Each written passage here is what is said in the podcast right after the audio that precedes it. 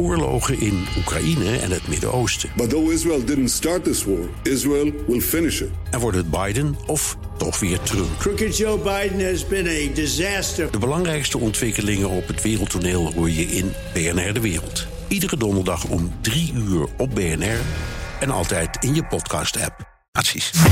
De Wereld. Tijd voor een update uit de Europese politiek met Europa-verslaggever Geert-Jan Haan. Hij was een wonderboy van Europees conservatief rechts. Nu stapt de Oostenrijker Sebastian Kurz eruit. Es war mir eine große Ehre, der Republik zehn Jahre dienen zu dürfen. Vielen Dank. Ich werde jetzt aufbrechen und meinen Sohn und meine Freundin aus dem Spital abholen. Vielen Dank. Geert-Jan wat heeft Koerts precies gezegd? Nou, je hoorde hem op het laatst aangeven dat hij geen vragen van de pers beantwoordde, omdat hij naar het ziekenhuis wilde voor zijn vrouw en kerstverse kind. Afgelopen zaterdag is Koers voor het eerst vader geworden. Dat gebruikt hij eh, om eh, aan te geven dat dat een reden is om zich helemaal uit de Oostenrijkse politiek terug te trekken.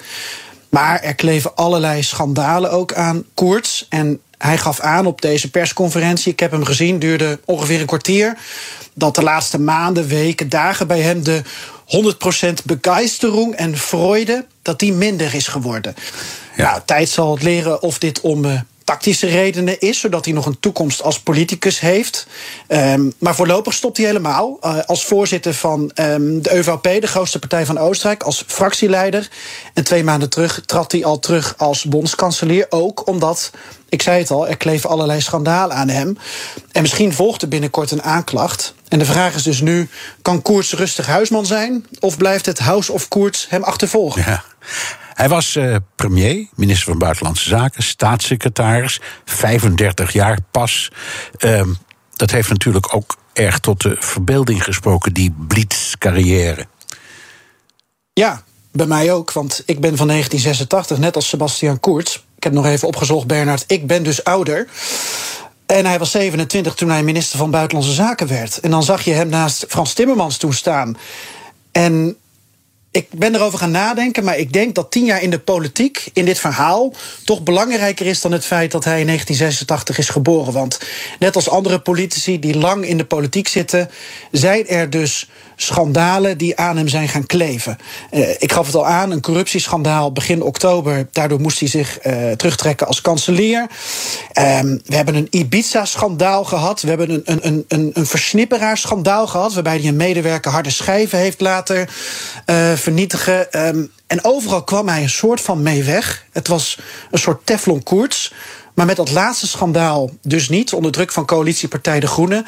Nou, en nu, na twee maanden vol van geruchten, heeft hij gezegd: ik stap er voorlopig uit. Ja, welke koers gaat Oostenrijk varen? Nou, die EVP is wel de grootste partij. Uh, dat zijn uh, christendemocraten. Uh, maar misschien ook wel een beetje tegen de VVD aanschurkend in Nederland, als je het zou vergelijken. En de EVP heeft met de FPE, de rechtsradicalen, en met de Groenen samengewerkt.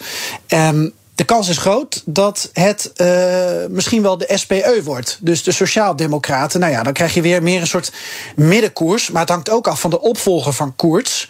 Daar is nog niet uh, alles over bekend. Maar het zou kunnen dat het de minister van Binnenlandse Zaken wordt, meneer Karel Nehammer. En het zou kunnen dat je hem gezien hebt toen vorig jaar in Wenen uh, die terreuraanslagen waren. Toen kwam hij veel in het nieuws. Ja, als, ja. Ook als een krachtig man. Hij heeft ook immigratie in zijn dossier. En hij lijkt wel een beetje op Koerts. Ja. Wat betekent het voor Europa, Geert-Jan?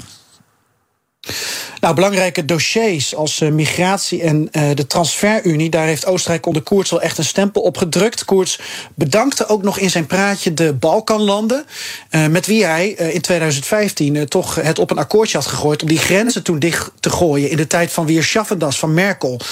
Dus ik ben wel benieuwd als die Nehammer het wordt of die een, een koers à la koers gaat varen, of dat Oostenrijk toch uh, ja, minder in de melk te brokkelen krijgt. Ja. En uh, als je kijkt naar de Europese conservatieve familie, want Merkel is natuurlijk ook weg.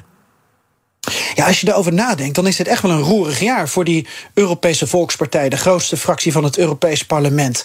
Want hun uithangborden waren Orbán, Merkel, Koerts. Alle drie dit jaar weg. Orbán zelfs uit de partij. Merkel niet meer aan de knoppen in Duitsland. Uh, de Bulgaar Borisov heeft trouwens de verkiezingen verloren. Ook een veteraan. Ja, en Koerts had dus best een belangrijke rol. Kijk, je hebt nog Ursula von der Leyen, voorzitter van de commissie, ook een christendemocraat. Maar ik denk dat dit wel even een tik is. En ik ben ook wel benieuwd met wie Rutte nu bepaalde allianties gaat sluiten. Want Rutte is onderhand een van de weinigen die nog uh, over is uit een tijd en van een koers um, waar hij wel wat in kon vinden. Dankjewel, Europa-verslaggever Geert-Jan Haan. Wilt u meer horen over de Europese politiek? Luister dan naar BNR's Europa-podcast die Geert-Jan maakt... samen met Europa-correspondent Stefan de Vries. Ook Harm Edens vind je in de BNR-app. Je kunt BNR Duurzaam niet alleen live luisteren in de app... maar ook terugluisteren als podcast, zoals al onze podcasts. En naast dat de BNR-app Breaking News meldt... houden we je ook op de hoogte van het laatste zakelijke nieuws. Download nu de gratis BNR-app en blijf scherp.